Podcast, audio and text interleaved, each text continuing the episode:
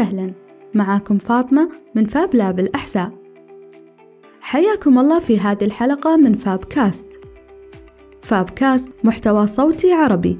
نقدم لكم من استوديو فاب لاب الأحساء على مدار الحلقات السابقة تكلمنا عن مجموعة من تقنيات التصنيع الرقمي. تكلمنا عن تاريخها وتطورها وتطبيقاتها في حياتنا اليومية. واليوم راح نستكمل الحديث معاكم عن القلب النابض والعقل المتحكم في معامل التصنيع الرقمي. حلقتنا بتكون عن الإلكترونيات والتحكم. الإلكترونيات علم يدور حول الأجهزة الإلكترونية ومبادئ عملها. يعتبر هذا المجال أحد مجالات الهندسة والفيزياء التطبيقية التي نشأت من دراسة وتطبيق الكهرباء. تشمل التطبيقات الإلكترونية الراديو والرادار والتلفزيون وأنظمة الاتصالات والأقمار الصناعية. كذلك أنظمة الملاحة وأنظمة التحكم ومركبات استكشاف الفضاء والأجهزة الدقيقة مثل الساعات وأجهزة الكمبيوتر والعديد من الأجهزة الموجودة حولنا. في البداية خلونا نتكلم عن المغذي الأساسي والمنطلق لهذا المجال اللي هو الطاقة الكهربائية أو الكهرباء. كانت بداية الإنسان مع الكهرباء من خلال الإحساس بها وتأملها في الطبيعة. كاستعمال بعض أنواع الأسماك الصعق الكهربائي لحماية نفسها من الخطر أو ملاحظة البرق وتأثيراته والصعقات الناجمة عنه.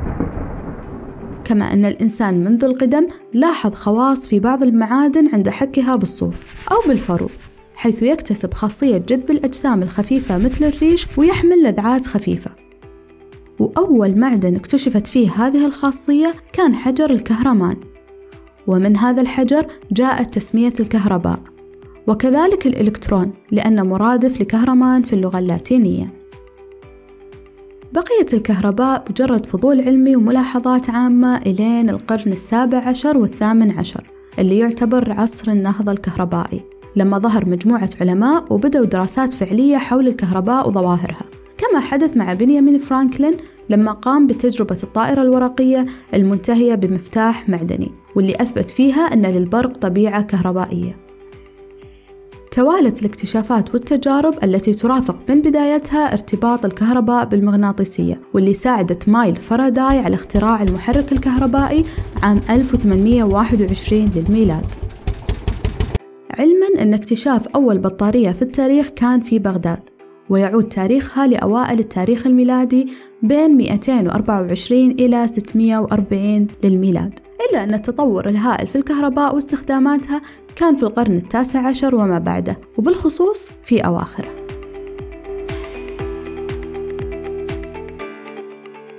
أما ما يخص الكهرباء بتفاصيلها الحالية أو ما يسمى بالدائرة الكهربائية فهي تحتوي في تصميمها على مجموعة من القطع التي تمر من خلالها الشحنات حتى تعود لمصدرها وتكتمل الدائرة.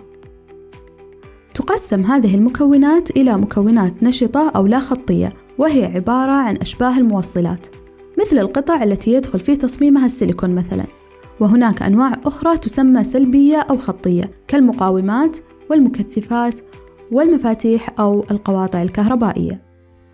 راح نستعرض مجموعة من القطع الإلكترونية المهمة خلال هذه الحلقة من فابكاست والحلقة القادمة بإذن الله.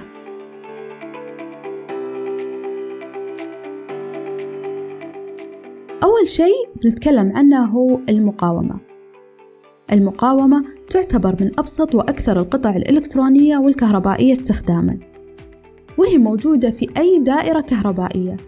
حيث أن العالم الألماني جورج أوم لاحظ انخفاض الجهد الكهربائي بين نقطتين في السلك الموصل للكهرباء والتي من خلالها اكتشف قانون أوم والذي يعتبر من أهم قوانين الكهرباء اليوم.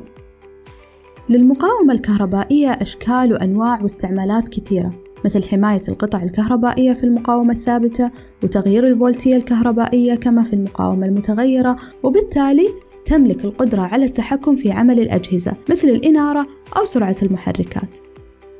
كذلك الأفران الكهربائية تستخدم نظرية ومبدأ عمل المقاومة الكهربائية في توليد الحرارة، حيث أن المواد الداخلة في تصنيع القضبان المعدنية الكربونية لها مقاومة عالية لمرور التيار، وبالتالي تتحول الطاقة الكهربائية إلى طاقة حرارية نتيجة احتكاك الإلكترونات بذرات القضيب المعدني أثناء مرور التيار خلالها.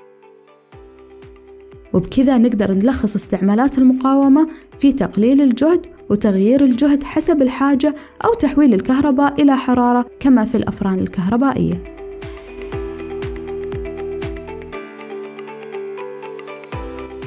المكثف أو الكاباسيتر بعد أن عرف الإنسان الكهرباء ودرس خصائصها وطرق تكونها وتوليدها أصبحت الحاجة لتخزينها للاستفادة منها في وقت آخر أو أماكن أخرى حاجة ملحة فكانت الحاجة هي الانطلاقة لما عرف لاحقا بالمكثف أو الكاباسيتر المكثف عبارة عن صفيحين موصلين يفصل بينهما عازل أو جسم غير موصل للكهرباء مثل الهواء. يخزن أحد الموصلات بالشحنات الموجبة والآخر بشحنات سالبة. وتبقى هكذا. ويتم تفريغ الشحنات عن طريق وصل الموصلين ببعضهما أو عن طريق استخدام الكهرباء المخزنة لتشغيل الأجهزة مثلا. وتوجد ثلاث عوامل أساسية تحدد حجم التخزين في المكثف وهي مساحة الموصلات الحاملة للشحنات مساحة العزل ونوع المادة العازلة. حيث تغيير أي جزء منها ينتج عنا قيمة جديدة للمكثف التي تقاس بوحدة الفاراد ورمزه F باللغة الإنجليزية. ومسيرة اكتشاف المكثف بدأت عام 1745 للميلاد مع العالم الألماني إيوالد جورج.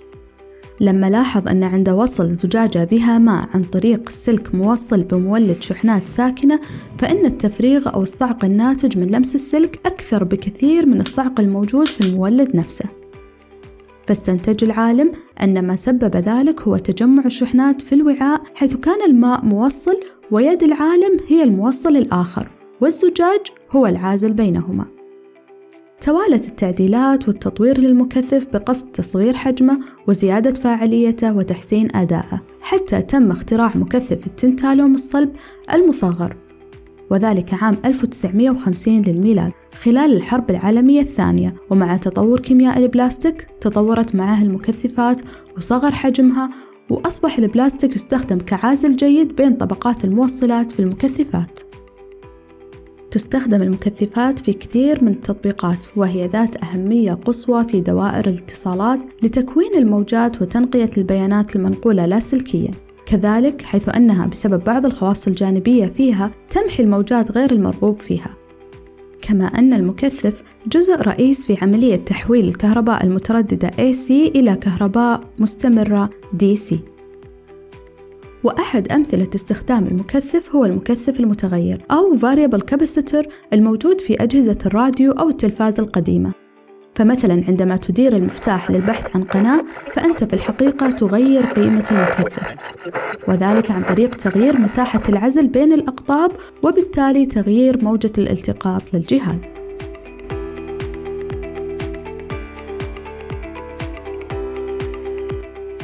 الدايود وهو من الأمثلة على أشباه الموصلات أو القطع الإلكترونية اللا خطية وهو عبارة عن قطعة إلكترونية ذات قطبين موجب وسالب تقوم بتوجيه التيار في اتجاه واحد فقط. كان أول من وضع الخطوط الرئيسية لفكرة أشباه الموصلات ذات الاتجاه الواحد أو المعروفة بالدايود هو العالم الألماني فريدريك جوثري. عندما لاحظ انجذاب الرقاقة المعدنية موجبة الشحنة الموضوعة داخل صمام مفرغ لعمود معدني ذو شحنة سالبة وعدم انجذابه للعمود المعدني ذو الشحنة الموجبة.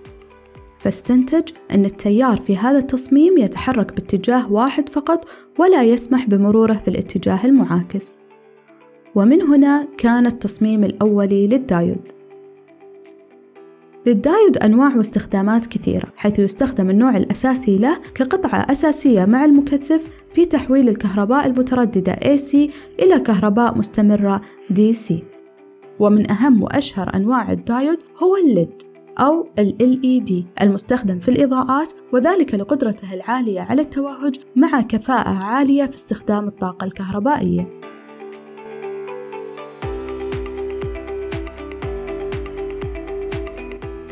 المفتاح الكهربائي أو القاطع. المفتاح الكهربائي أو قاطع الدائرة الكهربائية هو الجزء الأخير في هذه الحلقة. وهو أبسط طرق التحكم والمنطلق للقادم من القطع الإلكترونية المستخدمة في أنظمة التحكم. القاطع بشكل مبسط هو نقطة انفصال في الدائرة الكهربائية. هذا الانفصال إما أن يكون بشكل تلقائي لحماية الأجهزة كما في القاطع الحراري أو ذلك المنصهر الذي اخترعه أديسون وسجله كبراءة اختراع في عام 1879 المعروف بالفيوز أو يكون الانفصال عن طريق التحكم عن طريق المستخدم نفسه كما في المفتاح الكهربائي للإنارة أو تشغيل التكييف. كان انطلاق عالم التحكم بالأجهزة الكهربائية والأنظمة على مصراعيه بناء على فكرة القاطع أو المفتاح الكهربائي وإمكانية التحكم به ميكانيكيا بشكل متتابع كما في المؤقت أو لاسلكيا عن طريق إرسال واستقبال الإشارات التي تعطي أوامر للمفاتيح الكهربائية للعمل أو للتوقف.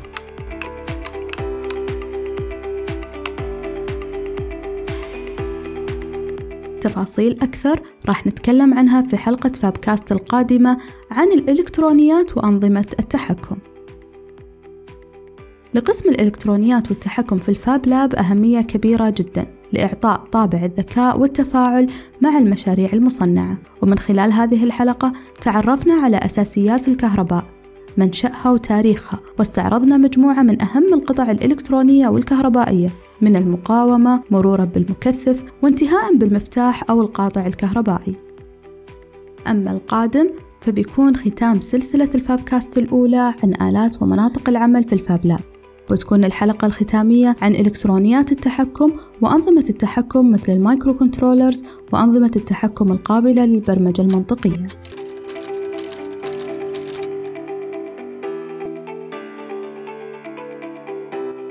لا تنسون تتابعونا على منصة ساوند كلاود أو جوجل بودكاست أو أبل بودكاست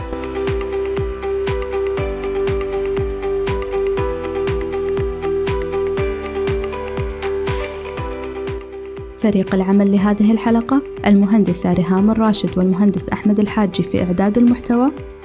وفي الهندسة الصوتية كانت معنا زينب الباشا والمهندس أحمد الحاجي.